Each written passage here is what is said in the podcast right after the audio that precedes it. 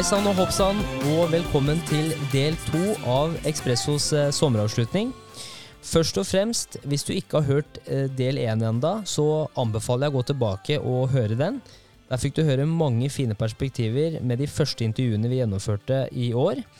Og i dag så fortsetter vi med del to, siste del av sommeravslutninga. Ja, den kommer litt seint, men eh, den som venter på noe godt, venter jo ikke forgjeves, selvfølgelig. Og selvfølgelig, før vi hopper ut i del to, så må jeg jo si at jeg håper at du har hatt en bra sommer. Jeg håper du har lada batteriene. Jeg håper du har tatt tid til å ta vare på deg sjæl, og at du er klar for å ta august og neste halvår med storm, før vi går inn i en veldig dyp eh, vinterdepresjon, for å, for å si det sånn. Men først ut i dag er Lasse Brurok. Det er en person jeg har sett opp til i flere år. Et maskineri av produktivitet og ikke minst kreativitet.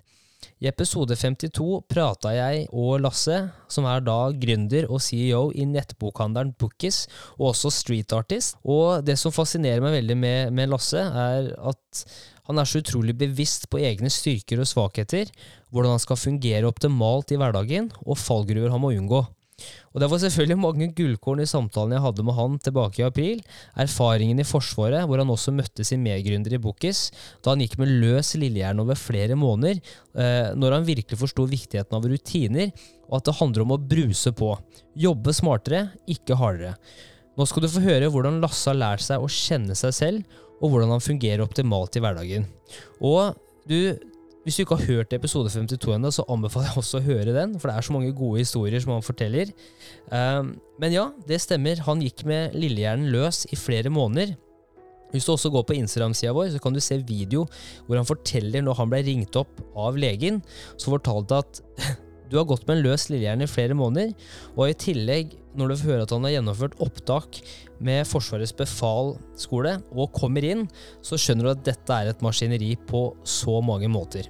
Her får du en fantastisk fyr. Lasse Brurock.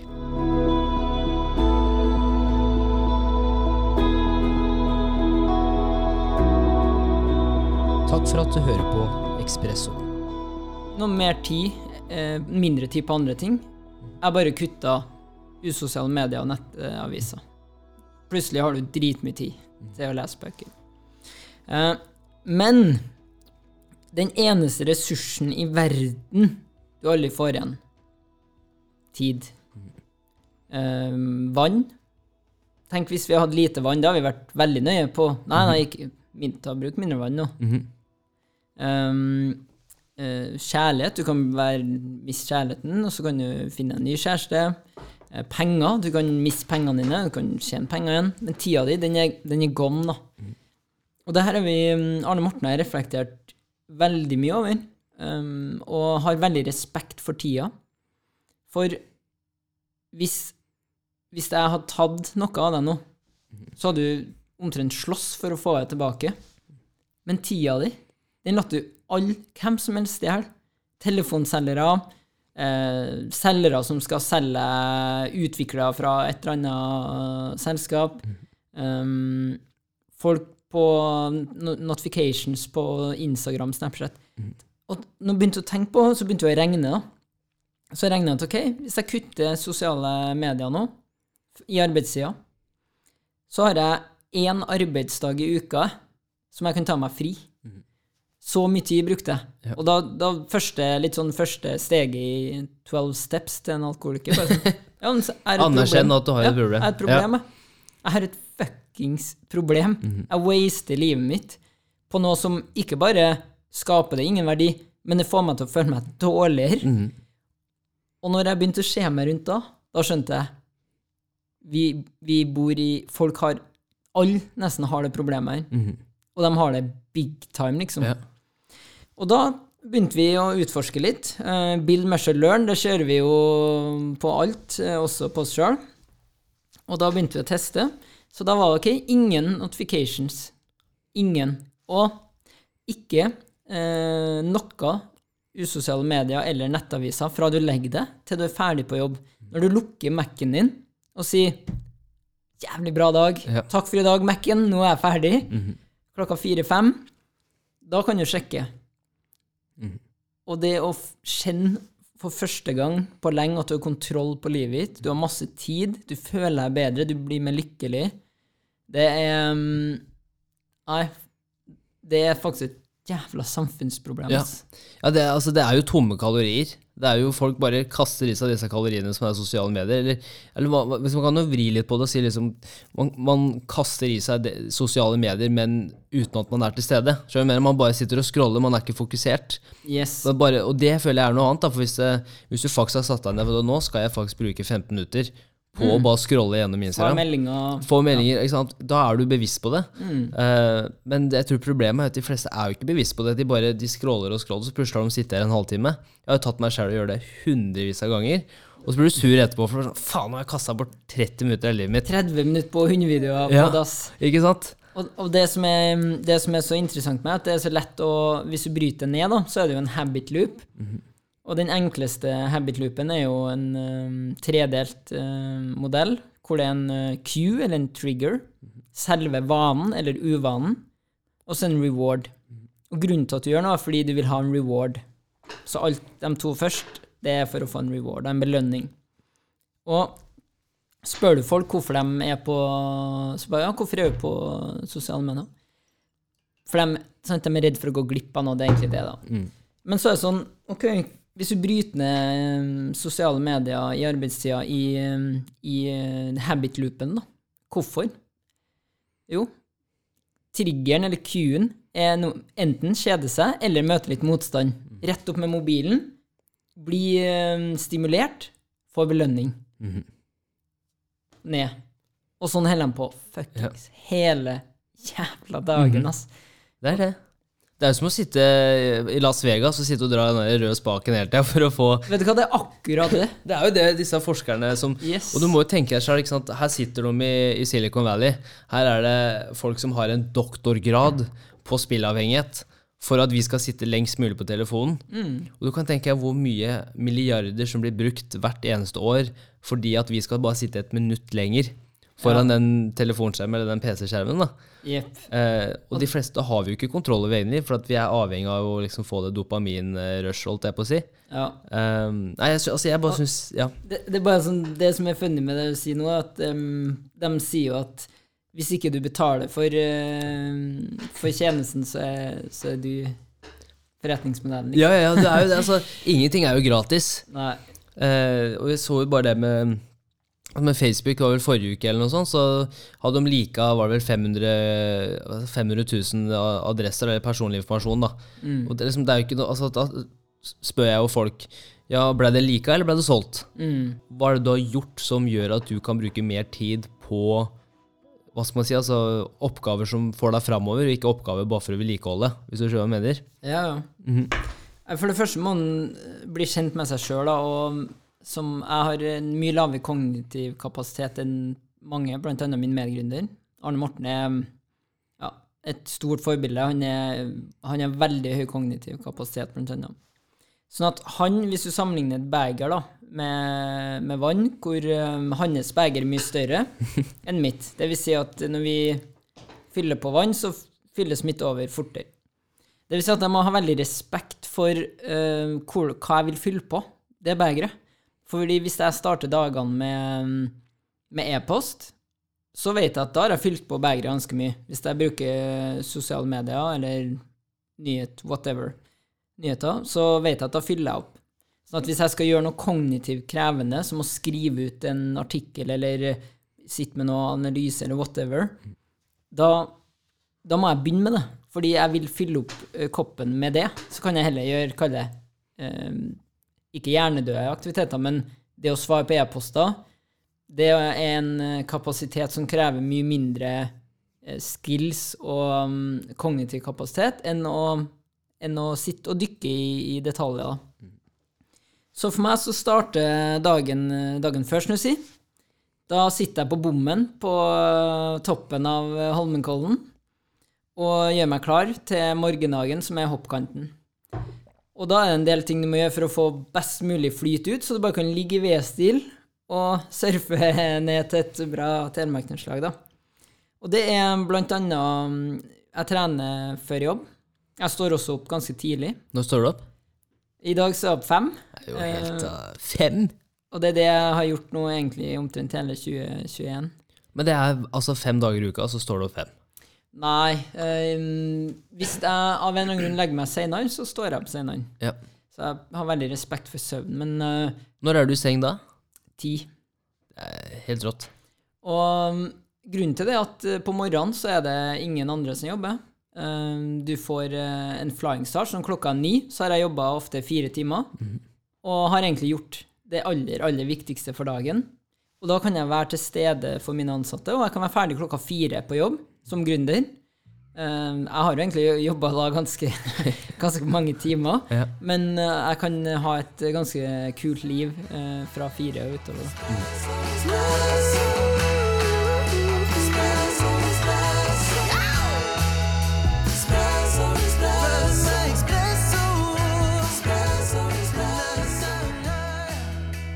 Å, for en mann. For en mann. For noen episoder siden fikk jeg spille inn to episoder med min gode venn og forbilde Robin Farberg. I det første intervjuet, episode 53, pratet vi om hans erfaring med å skape progresjon, ledelse i bl.a. treningsbransjen og det å bygge en sterk kultur. I det andre intervjuet, episode 58, gikk vi dypere inn på Robins reise med det å komme ut av skapet og virkelig bli trygg på seg selv som person. Jeg ønsket å bli bedre kjent med Robins refleksjoner og erfaringer tilknyttet det å komme ut, for å bedre forstå hvordan jeg kan støtte mennesker i mitt eget liv gjennom en slik prosess. Mye handler om at jeg også ønsker å minimere min egen ignoranse og bedre forstå mennesker ulik meg selv, med andre erfaringer enn meg selv. Jeg tror at slike samtaler og det å prate om temaer som kan være litt ubehagelige, vil både gjøre det lettere å bli forstått, men også det å forstå andre. Og Robin sier det så bra i den episoden. Um, for jeg tror, vi kan, jeg tror vi alle kan lære å bli eksponert for meninger som er annerledes enn oss selv. For til syvende og sist så handler det ikke om å ha rett, men det handler om å akseptere mennesker fordi de er. Så derfor er det intervjuet her med Robin så viktig. Og uansett om vi får 100 000 eh, nedlastninger, eller om vi får én, så har jeg lært utrolig mye å høre på denne kloke mannen. Så dette er eh, Robin Farberg.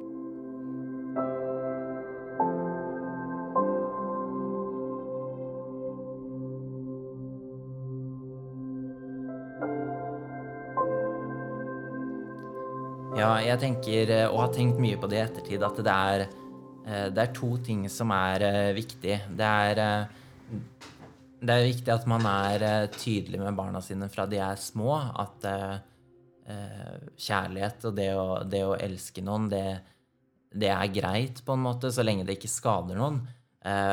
Og, og som regel så er det i følelsene man har som barn, de, det er enten at man liker gutter eller jenter eller hva det måtte være, og bare det å skape åpenhet rundt det fra man er veldig liten, eh, og at man kanskje naturlig spør barna når de sier at de har fått seg kjæreste, så sier de 'Å, så hyggelig. Er det en gutt, eller er det en jente?' Eh, og- der må jo foreldre finne ut hva som passer for seg. Eh, Men jeg tror at de også må anerkjenne at folk er annerledes. Og selv om de er heterofile, så må de skjønne at folk også er homofile. Eh, Og folk er bifile. Og folk er mørke i huden, og folk har andre livssyn enn deg selv. Eh, Og når foreldre begynner å skjønne det, eh, så faller vel også de andre tingene naturlig når de snakker med barna sine. Mm. For det er, jo, det er jo ingen som er født rasister, det er ingen som er født homofober. På en måte, dette er noe du måte tar med deg gjennom en oppvekst, enten det er altså fra primær, holdt jeg på å si, med foreldre og nærmeste familie, eller om det er på en måte gjennom venner og, og slektninger osv. Men vi ser jo at det er jo holdninger som på en måte blir oppfostra hos barn. da. Um, og på en måte at det er at mennesker går rundt og tenker pga. at de har én legning eller pga. at de har én farge, så gir de dem på en måte en rettighet til å føle at de har mer rettigheter enn andre mennesker. Eller de fortjener mer enn andre mennesker. Eh, jeg bare, jeg syns det er så fascinerende, og jeg sliter på en måte veldig å forstå eh, hvorfor noen mennesker tror det. Altså sånn, Det har jo ingenting å si. Men hva er det som gjør, hva, hva kan vi gjøre for å få flere folk til å kanskje få en sånn tankegang, Robin? Hva tenker du om det? Eh, Jeg tror at hvis jeg hadde fått, hatt svaret på det, så, så hadde jeg nok kunne bli, blitt veldig, veldig rik. Eh, For det Bra forretningsidé. Ja, ja, ja. Eh, det er nok eh, det, det handler jo om sånn som du sier, da. Du har jo egentlig mye av svaret deg selv. At det, det handler om holdninger. Eh, og det handler om arv og miljø. Så jeg tror at hvis vi som lever nå, kan gjøre det vi kan for at andre skal ha det bedre, så vil det her skje naturlig. Jeg så et program i går på Det var vel med David Attenborough, hvor det handla om farger og dyrenes farger. Eh, og der ser man jo at eh, over flere hundre millioner år så har dyrene endra sine farger for å, for å kunne ta bytter eller for å skjule seg for eh, rovdyr. Og det er nok det også som skjer med mennesket, at vi utvikler oss hele tiden. Men det tar tid.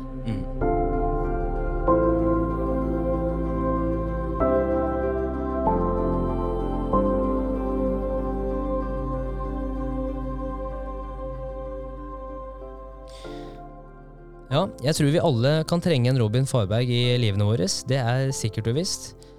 Nå så skal vi få møte en annen fantastisk fyr, og det er Gaute Godager. Han er utdannet klinisk psykolog og har vært med på helt to fantastiske reiser med norske teknologiselskaper.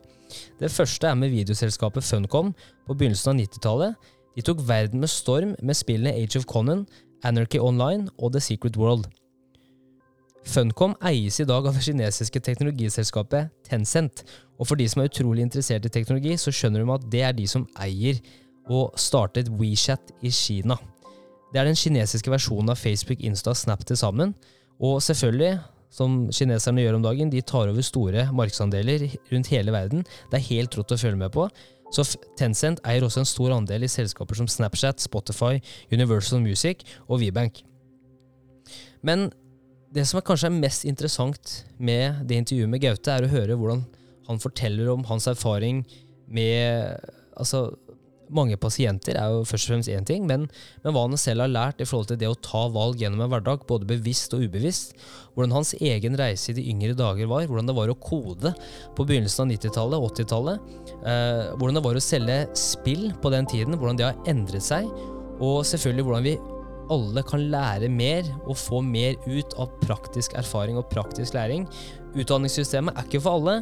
Det kan fort bli litt teoretisk, så derfor er det Atensi gjør utrolig kult, og jeg anbefaler deg å lese mer om de, fordi de har kommet for å bli.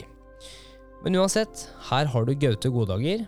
Sett deg tilbake, kos deg med en kopp te, kopp kaffe, og så eh, prøver vi å lære noe nytt i dag òg. Men da hadde jeg parallelt, siden jeg gikk på videregående, så hadde jeg sittet på gutterommet og lagd dataspill. Så jeg hadde liksom den der, både det der formelle løpet eh, hvor jeg skulle bli psykolog, og så satt jeg på, uh, på sida og, og mekka spill, da. Fordi jeg var veldig interessert i spill. Vi fikk jo datamaskin tidlig. Jeg har en bror som er enda mer gira på datamaskiner enn meg, så han brukte alle konfpengene sine på å kjøpe Commodore 64 i 1983, liksom. Så etter det så har jo jeg hatt det samme skjermforbruket som, som eh, ungdommen i dag. Ja.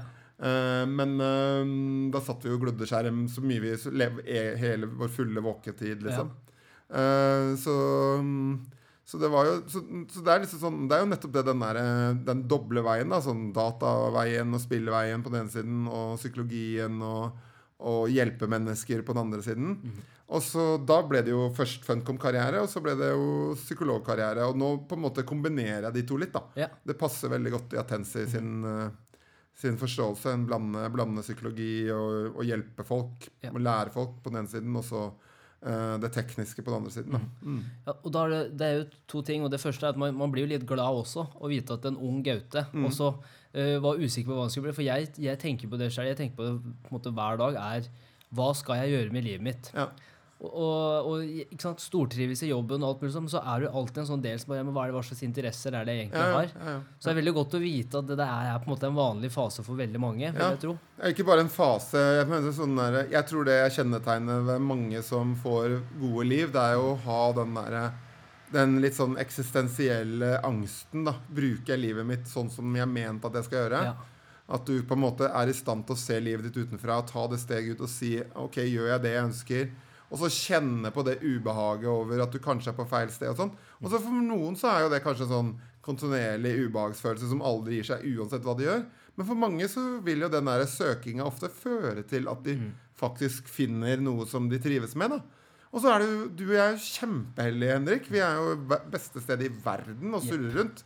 Vi Yes. kan jo surre masse Yes. og bytte utdanning og bytte karriere mange ganger og allikevel ha det bra, da. Vi er veldig heldige. Vi er det, det har vært gjengangeren på hver episode. At eh, måte, vi snakker jo veldig om takknemlighet. Ja, Og det er, det, er, og, det er ganske tydelig hvor heldige vi er som får lov til å bo i Norge. Og vi, vi kan gå på trynet uten at vi egentlig går på trynet. på Ja, måte. ja, ja nei, altså, og kan lære av det å gå på trynet og ikke dø av det. Ja.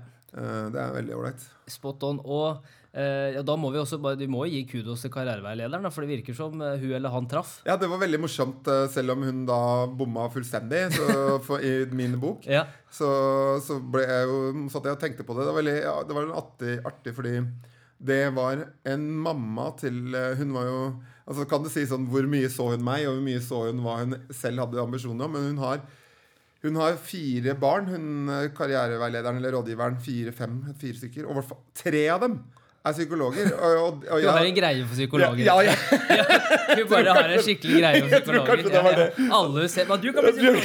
Du kan- bli psykolog. Ikke sant? Alle Til slutt får du sa. Ja, jeg vet ikke om hun har det, eller om det er liksom en del av det mindsettet til den familien. da Men jeg har jobba sammen med tre av dem, og de er veldig ålreite, fine folk. Så, så det var litt sånn morsomt når jeg skjønte at eh, det var henne. Ja. Eh, Så jeg har tenkt på det ettertid mm, Ja, var det at hun var så klarsynt? Ja. Eller var det at hun elsket psykologer? Yes. Bare psykolo Kanskje hun drømte om å bli det selv, Ja, ja. Vi lever gjennom La meg tenke på hva du skal gjøre. Jeg tror kanskje du bør bli eh, psykolog. Veldig god til å stille spørsmål. Veldig god til å stille spørsmål. Jeg husker vært i det rommet her.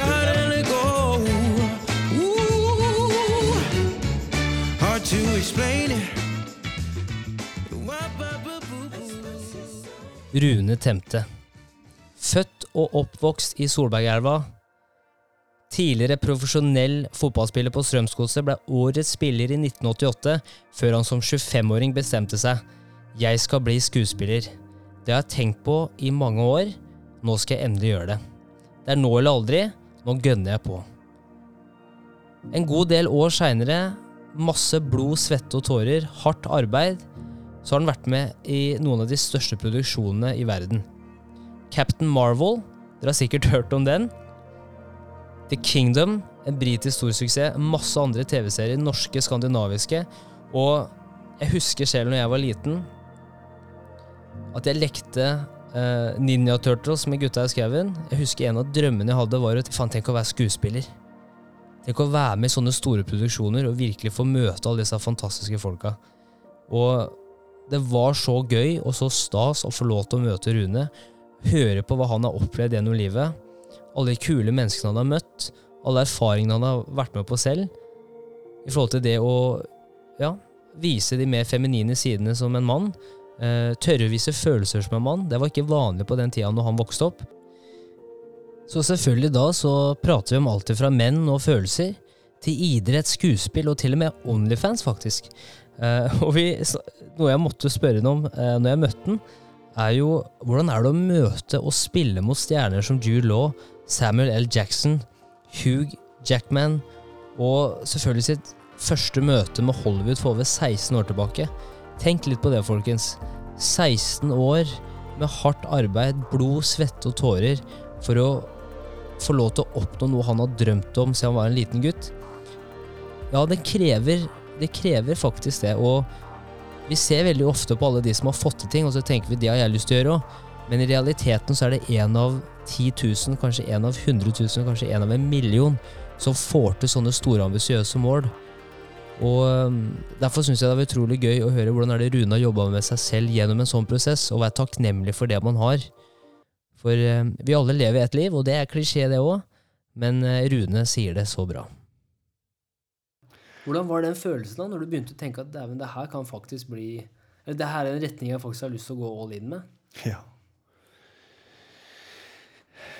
Ja, det, det er jo store valg, da. For at det er så Du har jo ikke, noe, du har ikke noen referanser.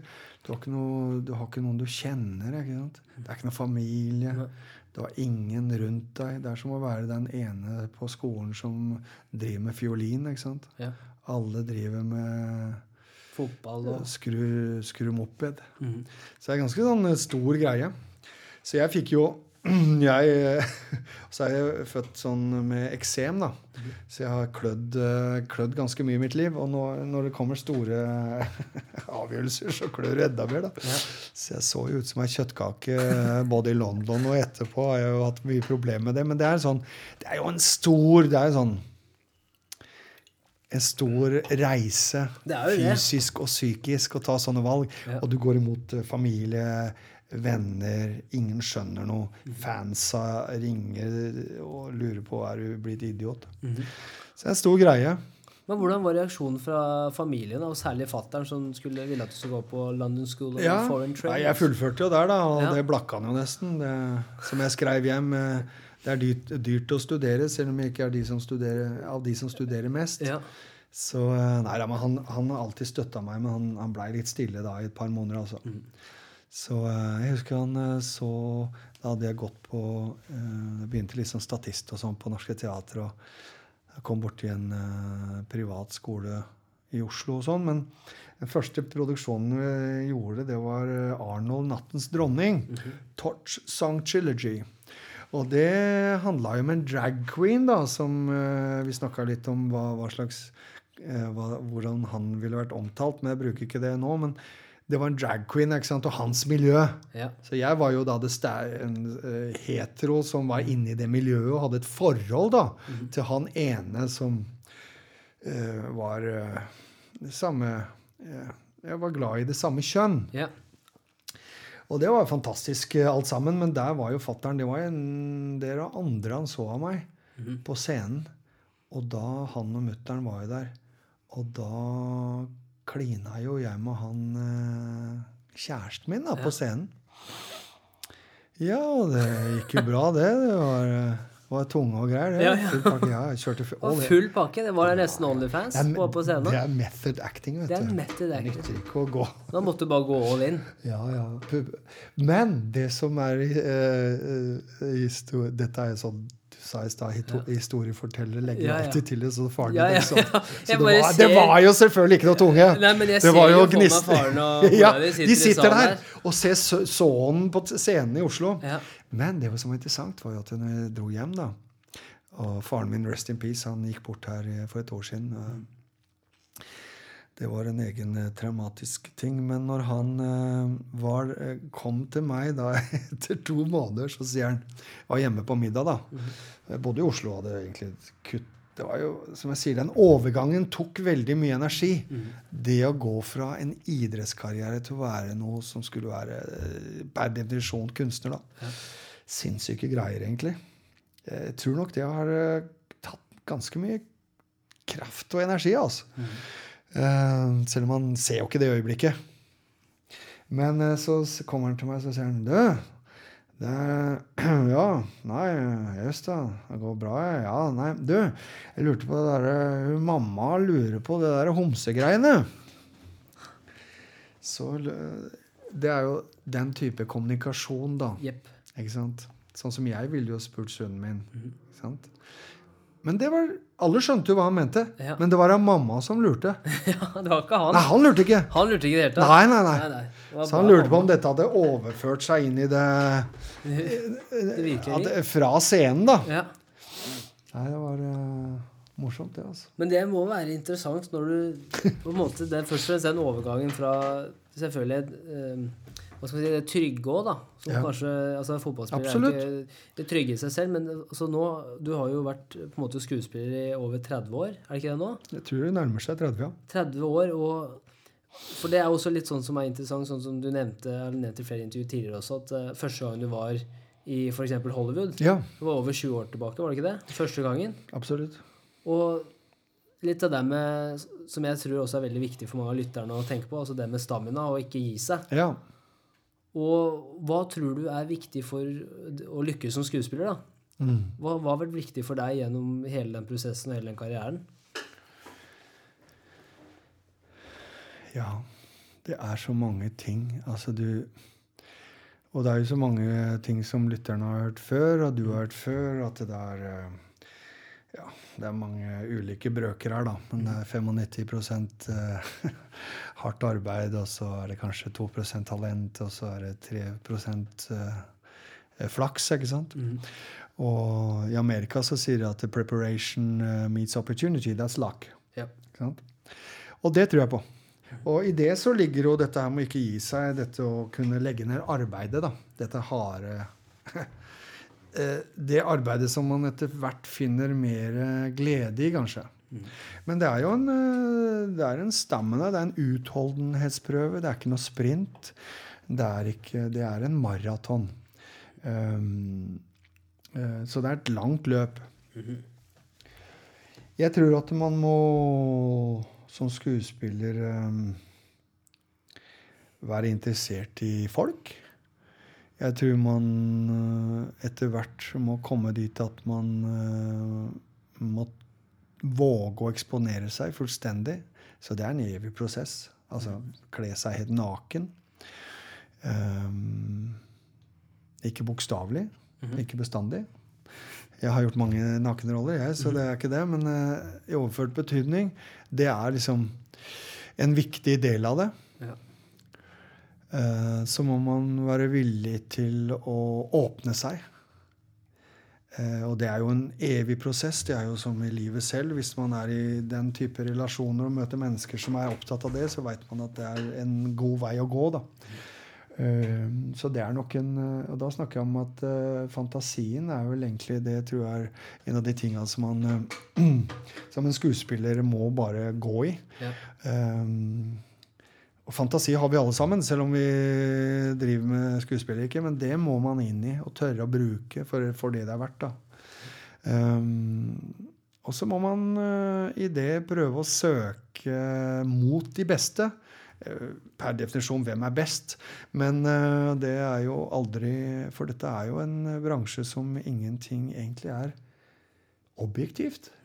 Så det er jo i utgangspunktet ganske krevende å forholde seg til som, som enkeltindivid. Fordi at det er så mye Det er så subjektivt. Eh, Det er ikke sånn at du har satt opp huset, så står huset der. Nei.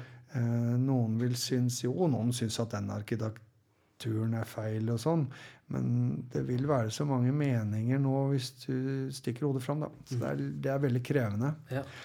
Så må du lære deg etter hvert å skille person og det du At du kler deg naken. At det er ikke deg som individ. Deg. Du har to hatter her. Ja. Fordi det kan bli ganske Så du må liksom Du må lære deg teknikker for det, da. Ja. Og det er jo ikke lett, som jeg sa i stad, hvis man er oversensitiv eller man er en veldig følsom fyr. og blir jo lett å bli paranoid, da. Lett å, ikke paranoid, da. Det er lett å bli veldig mm, nervøs og skvetten, som jeg sier. Paranoid er en uh, diagnose, så det handler ikke om det er ikke det.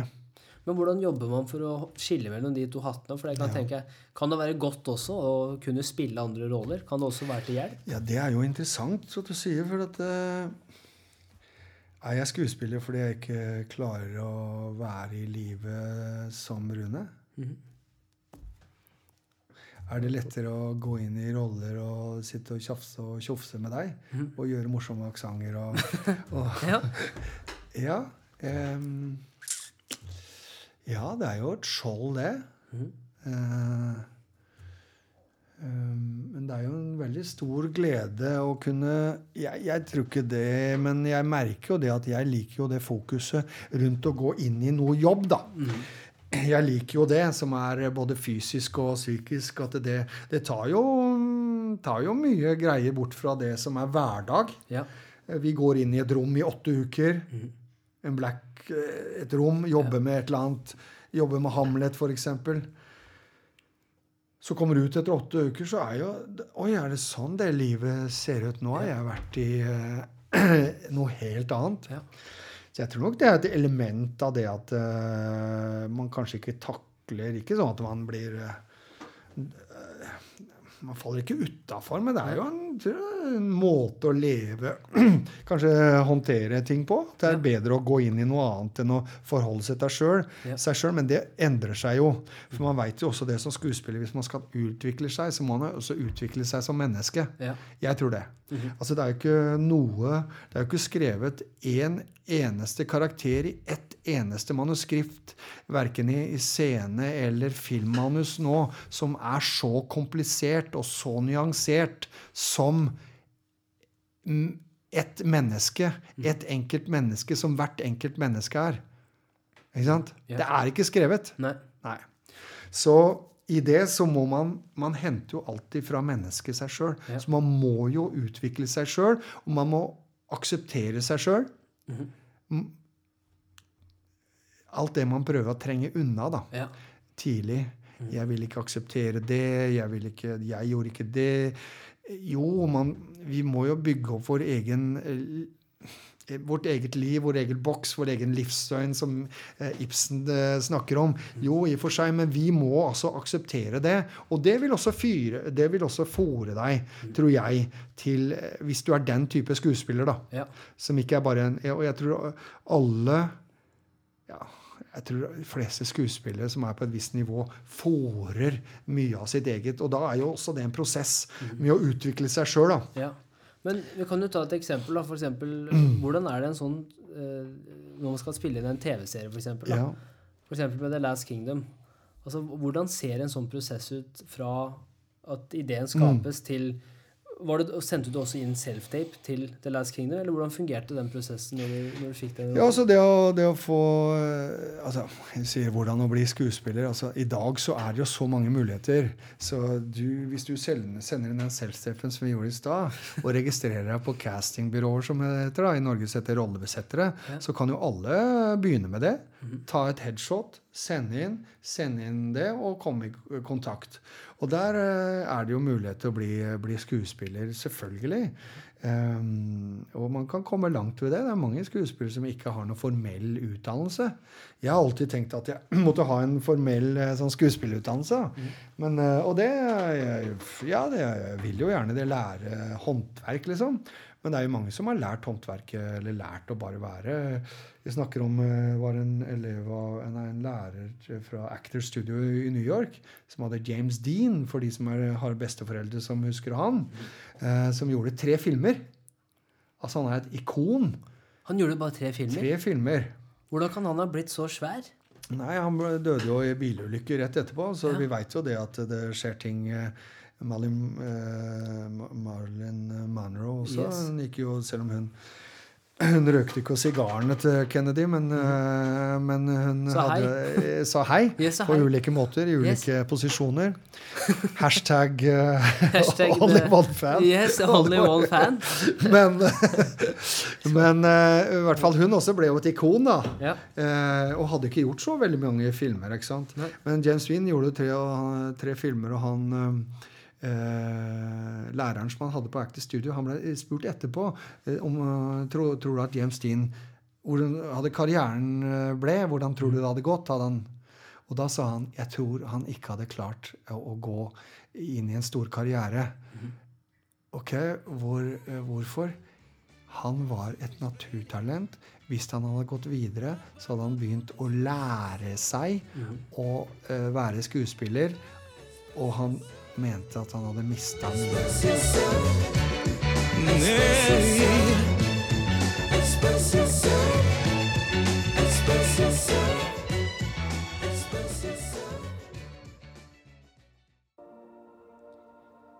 Dette har jeg ikke gjort før, så det her må jo gå bra. Pippi Langstrømpe, husker dere hun? Den jenta med det røde håret som aldri var redd for å prøve nye ting. Ja, det her er eh, favorittsitatet til Yrje Oftedal, og det begynner faktisk å bli favorittsitatet mitt også. Det å ikke være redd for å tørre å prøve og være trygg på seg selv, selv i usikre situasjoner. Yrje Oftedal er jo host av podkasten Powerladies, og hun har nå intervjua over 180 råsterke damer. Og det var kjempegøy å høre alt hva hun har lært av alle disse kule damene. Yrja forteller at når hun vokste opp, så hadde ikke moren et eneste speil i huset. For det å være altfor fokusert på seg selv, det var ikke noe vi skulle gjøre her. Det det handlet om, var å gi til andre mennesker og være gode støttespillere for andre mennesker. Det er veldig interessant å høre hun fortelle om det. Hun forteller så videre om reisen til Silicon Valley i, på jakta om å passe inn og finne folk som hun kan lære av. Og alle valgene hun har tatt fram til hun starta podkasten, og jakten til rett og slett det å passe inn, for det tror jeg vi alle gjør gjennom livet. Hun var jo også med på 71 grader nord, for hun kom helt til finalen. Og jeg tror det var en åpenbaring for hun i forhold til hvordan man snakker til seg selv i tøffere tider, og hvor viktig det er med mental helse, og trives i eget selskap. Så når det kommer til motivasjon og hvordan man kan bli en bedre versjon av seg selv, så har jo Yrja masse råd eh, når det kommer til det. Men det mest fascinerende er rett og slett bare å høre henne prate om egne erfaringer, og hvor hun ser seg selv eh, om noen år. Åh, jeg hadde en fantastisk oppvekst. Jeg er egentlig veldig takknemlig for den oppveksten jeg har hatt. Ehm, jeg skal prøve å ikke konsentrere Jeg skal prøve å ikke legge merke til alle disse lydene. Eh, dagens andre test for Yrja. Det er å prøve å prate mens hun Ja, irriterende ikke automatisk vindlukker. Åh, men det går bra. Nei, jeg, jeg er veldig uh, fornøyd med um, Jeg hadde en veldig, veldig fin oppvekst. Jeg har hatt veldig trygge foreldre og mennesker rundt meg. Jeg vokste opp med, rett med naturen. Jeg var ute og løpte hele tiden. Jeg er veldig glad for at jeg, uh, jeg vokste opp uten iPad og uh, telefon og sånne ting. Jeg aner ikke hvordan jeg hadde klart meg i dette samfunnet og vokst opp nå, faktisk, hvis jeg òg hadde vokst opp i en leilighet uten tilgang på natur og sånn. Um, så jeg fikk på en måte fri utfoldelse og støtte i den jeg var. Hadde masse venner og følte at livet egentlig bare var ganske deilig. Men jeg merket jo at uh, når jeg kom på ungdomsskolen, så begynte ting å endre seg litt. Fordi at da begynte på en måte den her skolesystemet hvor man liksom det ikke var så mye rom for undring og tenke annerledes og tenke nytt og bevege seg og den type ting som hadde vært veldig viktig for meg, da. For jeg har jo alltid vært en person som har på en måte tenkt ganske ja, veldig annerledes, ganske nytt og den type ting. Og kom inn i skolen kjente jeg at det var ikke så ja, eh, godtatt akkurat der, da. Så da begynte det noen år med selvransakelse og, og, og litt sånn motgang. Men men ut ifra det så må jeg òg trekke frem, sånn som du sier, at eh, mamma har vært en viktig støttespiller med tanke på i hvert fall det å gi meg god selvfølelse. For hvis det er noe kvinner spesielt har eh, lavt av, merker i hvert fall jeg som jobber bare med kvinner, så er det selvfølelse. Mange kvinner har dårlig selvfølelse og dårlig selvtillit. Eh, og jeg tror at en av de grunnene til at jeg har eh, ja, kan eller har en god selvfølelse og kan oppleve at jeg har god selvtillit, er at mamma har vært veldig bevisst på dette her med å ikke ha speil hjemme. Eh, har, jeg vokste opp med bare sånn fjesspeil. Eh, vi snakket aldri om utseende. Vi snakket aldri om utseende til meg eller til mamma eller til andre. Vi snakket aldri heller om andre mennesker hjemme. Eh, vi snakket Hvis vi så på TV, så var det heller aldri snakk om eh, å, hvordan den personen ut, så ut, eller hvordan den personen sang. Det var aldri liksom snakk om. Det var, og hvis det ble sagt noen, om noen andre, da, så var det fine ting. Det var liksom aldri liksom sånn der baksnakking eller sånn der.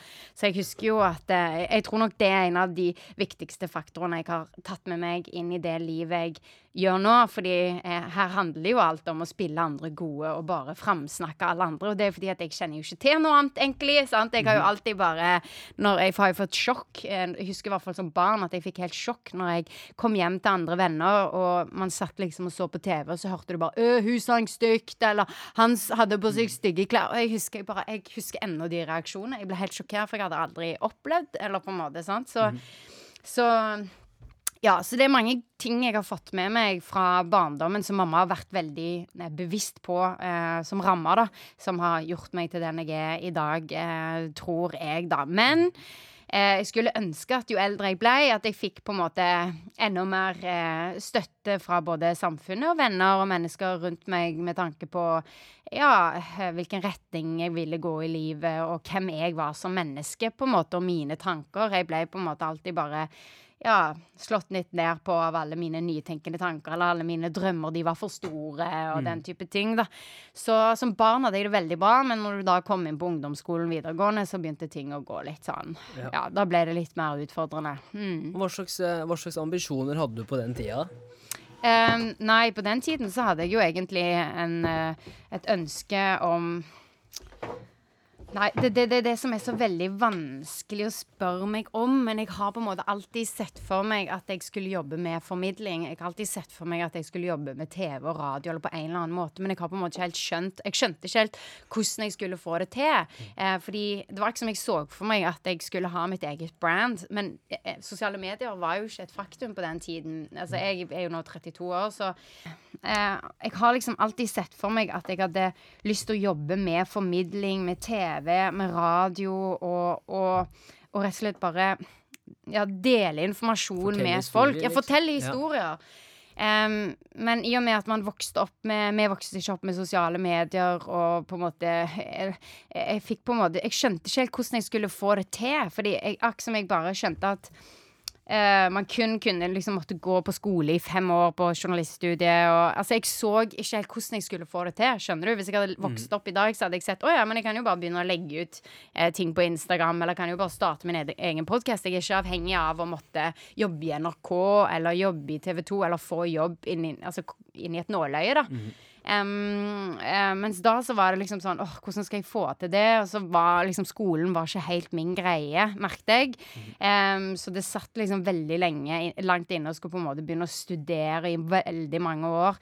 Um, så, men kjernen var liksom det er dette jeg hadde lyst til å gjøre, men jeg skjønte ikke helt hvordan jeg skulle få det til. Så det ble på en måte så på hjemmebane og på skolen så fikk jeg liksom høre at ja, du kan bare bli lege eller eh, lærer eller eh, advokat, eller du kan gå den journalistveien. Men det var liksom ingen av disse boksene jeg følte jeg hørte til i. Jeg følte ikke jeg passet inn i noen av de boksene som på en måte familien min eller skolen ville. Så jeg, jeg klarte rett og slett bare ikke å se meg sjøl som voksen, da. Em, så det var noe jeg sleit uh, veldig med, og som har gjort at jeg på en måte liksom har famla rundt egentlig mye da i livet. Jeg begynte litt på ja, begynte på stu kunststudio, for jeg tenkte å ja, jeg er glad i å gjøre fysiske ting. Jeg er glad i å tegne og, og male og den type ting. Kanskje det er det jeg skal gjøre, da. Men så prøvde jeg det, og så skjønte jeg nei, herregud, jeg får jo ikke brukt hjernen min. uh, for jeg har jo egentlig vært veldig god i matte og kjemi og fysikk, og jeg har egentlig alltid likt å tenke, og på en måte i tillegg, ikke bare stå og male. Eh, så da tenkte jeg OK, jeg får begynne på siviløkonomi, kanskje, da. så begynte jeg på det, og så kjente jeg vet hva, skolen er bare ikke meg. Og så bare hjelp, hva skal jeg gjøre? Eh, og det var egentlig sånn jeg endte opp i gründermiljøet. Som e- egentlig ikke var et miljø. Eller det hadde akkurat starta i 2012. Og så ja, så satt jeg på Mesh, og så kom jeg inn i dette miljøet da. Og så spurte jeg om jeg kunne få jobbe på Mesh, og så ja, begynte min reise som, eh, som gründer. Mm. Men det er jo det er veldig interessant det der med på en måte at Du snakker om at man snubler framover, men jeg Ja. tror også at det handler også om Det er jo livet i seg selv, er bare prøve å finne seg sjæl, og det er jo ikke Det har jo sikkert du merka, at noen du intervjuer, har liksom De har lagt planen Ja. klar fra de Ja. var yngre, mens men jeg, vi møter også veldig mange mennesker som De hadde egentlig ikke noen plan, de bare Ja. har gjort det de, det de har gjort, og prøvd å gjøre så bra som overhodet mulig, Ja. og så fulgt interessene sakte, men sikkert. da Ja. Men det er også godt å vite at uh, Sånn jeg tenker på det selv hele tiden også, hva skal man egentlig gjøre med livet? Det er et spørsmål som går bak i huet mitt hele tida. Hva er det jeg egentlig liker å gjøre? Ja. Og jeg merker at eh, den podkasten er jo på en måte det første steget for meg inn mot det jeg liker, som er det kreative. ikke sant? Ja. Og, og også fortelle historier. ja. Så du skal bare vite at du er ikke aleine når du kommer til det der. Og, Nei, famle, famle litt og fram og prøve litt der. Og, mm, hva man liker. Ja. Um, nei, og jeg tror det er helt nødvendig. Uh, og, men det er jo egentlig derfor jeg nå ehm, gjør den podkasten jeg gjør. Fordi jeg tror jeg hadde For jeg er jo en person som liker å på en måte finne løsninger på ting. Jeg liker å effektivisere ting. Og, og på en måte, ja, jeg har god tålmodighet, men jeg vil aller helst finne en løsning sånn at det, ting kan skje fortere. da Så jeg tror nok at eh, Eller grunnen til at jeg gjør Power Ladies nå, da, er jo fordi jeg har savna eh, rollemodeller sjøl, på en måte. Fordi hadde jeg vokst opp i et samfunn hvor jeg på en måte hadde følt at eh, Oi, eh, der kan jeg se meg sjøl, der kan jeg se meg sjøl, der kan jeg se meg sjøl. så tror jeg at- at det ikke hadde vært så skummelt, og jeg tror at det, det hadde vært lettere for meg å, um, å se hvilken retning jeg kunne gå. ikke sant? For jeg ble på en måte bare presentert med at liksom Dette er disse mulighetene du har. Inni, inni disse boksene skal du passe. Og så hadde jeg liksom ingenting å strekke meg til eller se til som resonnerte med meg, da. Fordi at i media så var det jo liksom disse popstjerne, kvinnelige popstjerne, kvinnelige skuespillerne, og så var det bare de der samme på repeat, da, og i magasinene, og, og sånn som de unge i dag da opplever influensere, som òg er bare de der lettkledde influenserne og sånn, så det er jo på en måte litt det samme i dag òg, men så det var egentlig det jeg kjente at bare OK, da, eh, skal jeg, da skal jeg i hvert fall bruke min formidlingsevne til eh, et problem som, er, som har definert hele mitt liv. Mm. Da skal jeg finne en løsning eh, på det. Og det skal i hvert fall være min start mot eh, drømmen min, da. Ja. Mm. Men du, det, det du nevner, ikke sant, det som moren din gjorde med deg gjennom oppveksten, Ja. sant, i forhold til det der, og her snakker vi bare positivt om alle mennesker, det er jo Ja. det er kanskje viktigere enn noen gang før. Ja. Og kanskje å faktisk kunne ta de samtalene med de yngre. Ikke sant? Dette er det. Når du snakker om andre mennesker, så skal det være positivt. Du skal snakke opp andre mennesker, du skal Ja. spille andre gode. Uh, for det er jo ingen som er født med sterke meninger. De kommer jo gjennom ja. de kommer gjennom uh, oppveksten på en eller annen måte. Um, så jeg bare tror kanskje det der er noe som kanskje er viktigere enn noen gang før. da. Mm. Um, men gjennom den Du sa jo den selvransakningsprosessen hvor du fant Ja. deg selv. Litt sånn, hva, er det, hva, hva slags ting har vært viktig for deg, som du har sett har forma deg altså som person, gjennom alle de tingene du har gjort? da? Å, så dypt spørsmål. Det var veldig dypt, faktisk.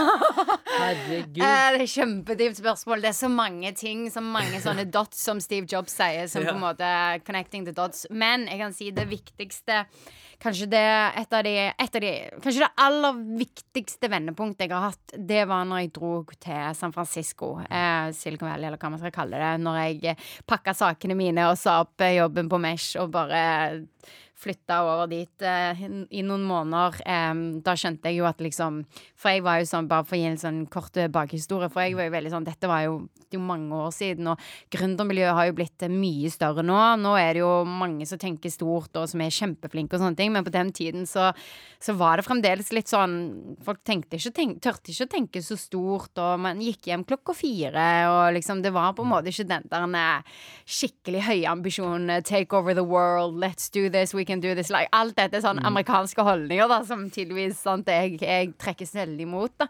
Så hadde jeg liksom hørt noen rykter da fra Silicon Valley, og, og i tillegg til det så var det jo bare gutter. Det var jo bare meg og gjeng mannfolk der på Mesh, sant? så det var jo òg sånn, men hvor er alle jentene? Det var så mange ting som på en måte jeg savna da. Jeg savna ambisjoner, jeg savna å se flere jenter. Og så tenkte jeg OK, la meg dra til Silicon Valley. Jeg har hørt noen rykter om at der eh, eh, kan det være noen spennende greier. La oss ta en sjanse, liksom. Vi pakka sakene mine og dro bort. Kjente ingen. Men jeg er jo veldig sånn når jeg først går inn for noe, så ja, så er det tunnelsyn, og så får jeg til det jeg har lyst til å få til, på en måte. Um, så jeg satte opp masse møter og følte jeg liksom pløyde meg gjennom hele Silicon Valley der borte på bare noen korte uker i første omgang.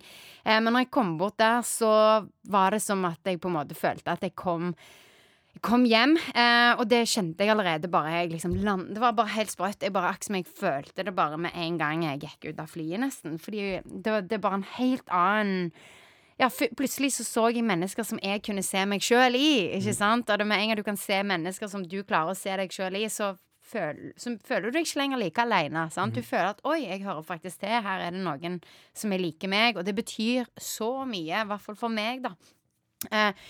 Mennesker som da bare tenkte stort, take over the world, og samtidig skapte liksom sin drømmejobb. Det var jo bare helt sykt bare, for meg å bare sånn OK, hun sier hun kan det og vil det, og så gjør hun det. Og så bare Ja, selvfølgelig kan hun gjøre det, sier hun. Liksom, ja, så? Bare folk med, som, som bare hadde lyst til å skape det livet de hadde lyst til, og trodde oppriktig at de kunne få det til. Og trodde oppriktig at de til og med, til og med kunne liksom endre verden. Sant? Og bare det å høre at noen sier noe sånt, og, som med den største eh, til, til, eh, liksom Med den største selvfølgelighet. Da er det jo bare sånn Oh my God, liksom, where have you been my whole life? Ja, liksom Ja. sånn. Og det var så mange av de, og det var bare så fantastisk å kjenne på denne self, eller denne uh, confidencen. Mm -hmm. Selvtilliten. ja, selvtilliten. em, og bare ja, opp, oppleve det på tett hold. Det var bare helt sånn.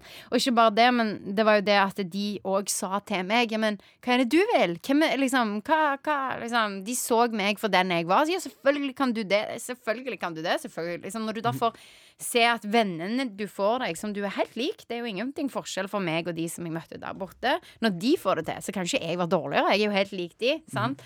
Um, så det ga meg en sånn skikkelig selv, selvtillitsboost uh, som jeg virkelig trengte. Og bare det av følelsen av å høre til. Det, det betyr alt. Og så samtidig som jeg så fikk jeg bekrefta alle disse her visjonære tankene mine, eller hva man skal si det, sånn som jeg alltid har på en måte blitt ledd av hjemme, da, når det kommer til teknologi, eller om det kommer til mat, eller om det kommer til helse. Altså alt jeg har på en måte alltid ligget veldig mange år eh, fram i tid, som har gjort at eh, jeg ja, alltid blitt ledd av da på et vis, på en eller annen måte. Så det var veldig godt å på en måte å bare få bekrefta at alt det jeg har prøvd å fortelle de der hjemme om, det er sånne ting som de holder på å jobbe med der borte. Så for Ja. meg så var det bare sånn det var så mange brikker som falt på plass, da. Så det er jo egentlig det som har kanskje gjort at jeg i hvert fall føler meg trygg og rolig og har fått den selvtilliten jeg trengte for å tørre å liksom komme tilbake igjen og, og endelig da eh, satse på min egen greie. Ja. Mm.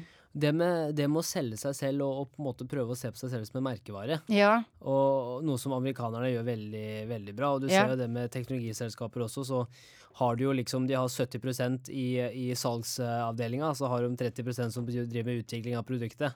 Så de på en måte selger jo et halvferdig produkt Ja. ikke sant? Og, og har veldig stor tro på det de kan få til. Og så prøver man å koble det til det menneskelige. Liksom. Hvordan kan man se på seg selv som en merkevare og, og bygge seg selv opp den måten? Hvordan ser du det har endra seg i Norge? Altså I forhold til det startup-miljøene som har på en måte blomstra opp, da, men også enkeltindividene i forhold til hvordan man selger seg selv på sosiale medier, bygger et brand osv. Oi. Oh, jeg vet ikke om jeg er riktig person å spørre om det.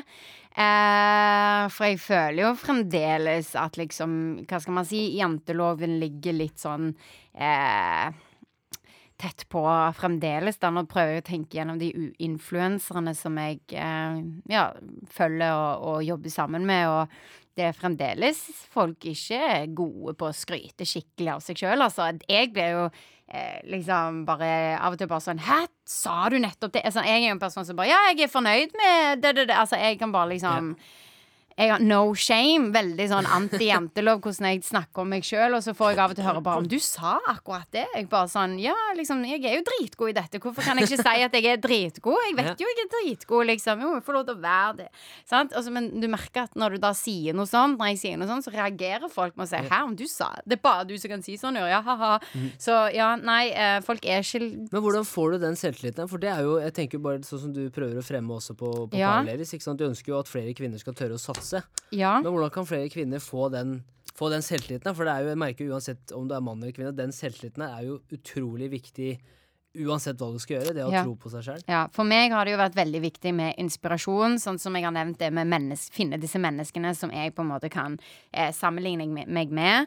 Eh, men så er det òg dette med å høre på podcaster med folk som resonnerer med meg. Høre på, følge de sosiale medier som resonnerer med meg, og gjerne folk som på en måte allerede har gått den veien som jeg ønsker å gå, på en eller annen måte.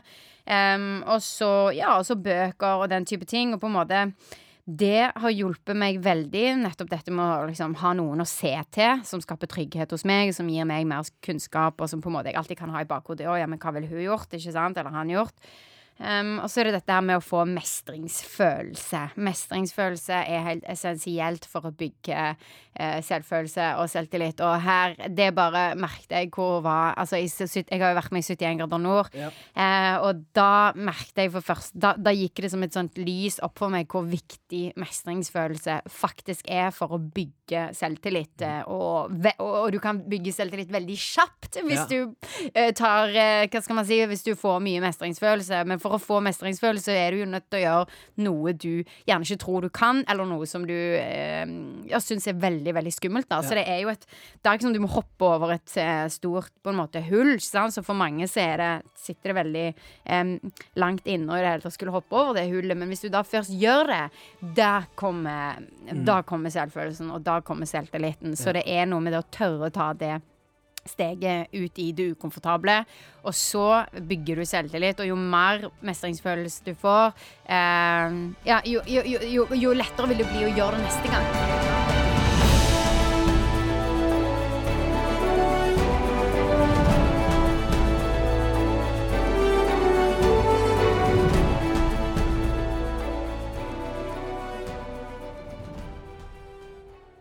Joakim Kompala. Halvt fransk, halvt nordlending. En ung mann på vei opp og fram i finans. I dag så er han avdelingsleder for bedriftsinnskudd i konsernet, og han har akkurat også begynt å ta ansvaret for pensjon og forsikring. Men i episode 50 så prata vi rett og slett om hvordan er det å være ung og på vei opp og ha ambisjoner. Det å gripe muligheter i et større konsern, ta på seg større trøyer og ikke være redd for å vokse inn i de.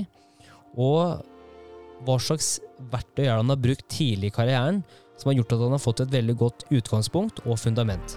Så nå er det jo august, det er mange som søker jobb, det er mange som ser etter nye eventyr, det er mange som er ferdig med studiene og begynner i nye jobber. Så tenkte jeg at Joakim sine råd og perspektiver kan være godt til nytte. Det skal også sies at han er en uh, heldundrende uh, rå fyr. Uh, utrolig smart, utrolig reflektert, og det er aldri kjedelig å være sammen med han. Så dette er eh, Joakim Ompala.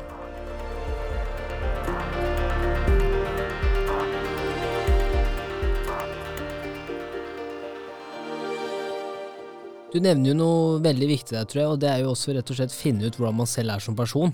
Mm. Før man, for det kan jeg også tenke meg at når man går mot siste året på studiene, tenker man at jeg må begynne å søke, og nå må jeg prøve å på en måte finne meg et bra utgangspunkt. Skal, jeg skal være kritisk, men jeg må også på en måte forstå at jeg må begynne et sted.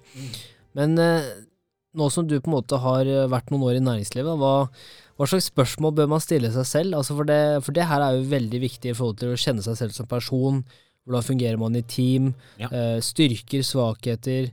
Eh, slags, har du noen tips? Altså, hva har funka for deg i forhold til å vite hvordan du er utenfra? da? Jeg tror det viktigste er å se for seg selv hva man har lyst til å gjøre. Altså hva slags personlige egenskaper har man. Mm. Er man litt mer eh, Ikke inneslutta, for det er vel Men mindre, altså, du er veldig opptatt av å kun jobbe med ditt, eller om du liker å jobbe i team. Og, og finne ut litt den, For det har jo også med hvilken jobber du skal eller bør søke. Og så tror jeg man alltid har godt av å gå på et eh, tips nummer to, da, hvis jeg skal si det sånn, å gå på et intervju som du, den jobb du kanskje ikke har så lyst på, sånn at du får prøvd det en gang før du virkelig skal på det jobbintervjuet du har mest lyst til å gå på. For det er en øvelsesmetodikk å jobbe seg gjennom strukturert gjennom et intervju. Det er jo eh, mange som har skrevet bøker om det. Ja. Å være god på en intervjusetting. Så det er å, å terpe det litt. Og så tror jeg dette med at man må kjenne på den personlige kjemien da, mellom arbeidsgiver og arbeidstaker da, i intervjusetting. Pass, føles det riktig? Og det tror jeg det krever også litt trening, selvfølgelig. Men er det ikke en god, eller føler, har du ikke den gode kjemien eller følelsen, så er det kanskje bra da at man ikke får eh, et ja på intervjuet, eller eh, ja som at du er den rette kandidaten, da. Fordi det, er ikke en match, og det, da vil det mest sannsynlig ikke fungere videre heller, eller at man kommer til å bytte jobb før Nei. eller senere. da. De prater veldig ofte om det, ikke sant, at du, vi må sjekke om kandidaten er riktig for oss, men det jeg tror veldig mange glemmer, er jo at du skal også sjekke om på en måte om selskapet er riktig for deg. Absolutt, dette går begge veier. Ja. Så, og det prøver jeg i hvert fall å formidle litt ut da, når noen eh, studenter f.eks. henvender seg til meg for de har fått avslag. da. Eh, Og vi får jo veldig mange søkere, så det er ikke alle man kan gå like i dybden på. Men det der at man Kjemien, for det skal gjerne passe inn i det oppsettet som er, da. Så er det på en måte på godt og vondt, da. Passer man ikke inn, så er det kanskje ikke så dumt allikevel at man ikke fikk det, for det, det er ikke rett, da. Nei. Eh, Eller at man f.eks. føler at arbeidsgiveren ikke tar godt nok vare på deg, eller i den settingen. Da er det her også en sånn liten warning-signal, da. Det du, for det kan vi Eller det er to ting, da. Første jeg vil vite, er litt sånn eh, Nå har du jo jobba i DNB i noen år. Mm. Uh, hva skjer i 2017? Ja, ja. Herregud, for en research her, da. Ja, ja, fy faen. Wikipedia-profilen din stemte. Jeg må oppdatere den, forresten. Ja. Eh, men, eh, så da har du jobba i DNB noen år, og, og kan du ta oss gjennom hvor var det du begynte i DNB? Mm. Og så eh, hvordan har de årene vært, og hvor er du, eller hvordan er det du jobber i dag? Det kan jeg gjøre, vet du. Ja. Eh, det blir sånn DNB-reisen er fra A til Å. Nei da. Eh, Men eh, liten slager der. Jeg startet, eh, eh, som sagt, i storkundeområdet, som den gang het. Nå fins jo ikke det lenger, for man har slått seg sammen. Men da startet jeg som både forretningsutvikler slash det de kalte market specialist, at du skulle jobbe i markedet. Jobbet mye mot liksom, de største internasjonale kundene til DNB, da. Og hadde ansvaret for eh, de, de, mye av de globale kontorene. Eh, for vi har jo globale kontorer som de fleste ikke tenker For de fleste tenker på DNB. Det tror jeg ikke mange tenker over. Nei, at DNB er ganske store internasjonalt. De fleste tenker jo på det fordi du er personkunde, og du har kanskje noen problemer med innlogging og noe annet skit som dukker opp av og til. Eller at jeg ikke får overført noe penger, og det kommer noen avisoverskriftene. Men Ja. vi har jo et internasjonalt nettverk. Vi har kontor i Singapore, vi har i London, Stockholm, New York. Jeg har jo fått muligheten til å reise, og det var jo litt av grunnen til at jeg hadde lyst til å begynne hos DNB, for jeg hadde lyst til den internasjonale aksen. Så startet å jobbe mye med de internasjonale kontorene. Jobbet, med, jobbet mye med det som var eh, forgjengerne til grønne lån altså, og grønne obligasjoner på den tiden. Eh, og det var veldig spennende å få være med på den reisen og etablere mye av fundamentet på det. da. Mhm. Sånn at, eh, og nå har det jo blitt mye mer formalisert da, hva, ikke sant, i forhold til green loan principles og green bond principles, da, som er retningslinjer alle bankene har signert og blitt enige om. Men, Mhm. men det veldig, var en spennende reise. Og så, det ble vel i jeg husker ikke hvilket år engang, men eh, for et, det er et par år siden da, så ble det en sammenslåing av storkundeområdet og det de kaller bedriftsmarkedet, da, som er bare i Norge. Så de slo seg sammen, da. Disse, eh, så jeg jobbet, har alltid jobbet med bare bedriftskunder, da. Og på den tiden så tenkte jeg jo at den stillingen jeg hadde, den ville jo ikke finne, eh, finnes. Sånn er det jo en restrukturering av selskapet og en omorganisering. Det er en annen ting som veldig mange sikkert unge opplever, da, at det kan være eh, omstillinger og merke litt sånn press. Eh, Men da må man bare være litt rask på ballen, da, og hvis man har bygd seg opp et nettverk, se etter muligheter med en gang, istedenfor å bli stressa av at du er i en omstillingsfase, da. Mm. Men det jeg valgte å gjøre da, var at jeg gikk til treasury-avdelingen, da, som er på en måte finansieringsavdelingen til banken, eh, som sitter eh, på en måte i, meglerhallen da, sammen med markedsoperasjonen, og fikk muligheten til å være med og jobbe med egenkapitalen til banken. Da. Det er på en måte eh, et veldig spennende område treasury i seg selv, fordi de har ganske mye innvirkning på hvordan både priser ut til kunder, hvordan banken er finansiert, og du får jobbe med på en måte andre banker igjen. da. Så det er på en måte et interbankkonsept. Ja.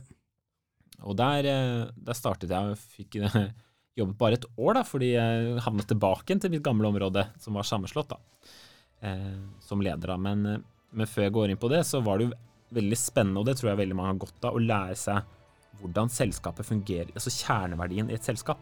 Så det som jeg pleier å si, da, jeg lærte motoren i banken og jobbet i Treasury. Hvordan vi opererer og sørger for at banken fungerer i den daglige operasjonen i forhold til funding og plasseringer. Man må jo plassere penger over natten, f.eks. Eller sikre finansiering og likviditet. da. Det fikk jeg jo oppleve under korona i mars. Mhm. Eh, og det er litt samme hvis man trekker parallell til finanskrisen og ser på en måte hvordan markedet reagerer da, når korona treffer som verst. da. Mhm. Så det er liksom et øyeblikk jeg aldri kommer til å glemme, tror jeg.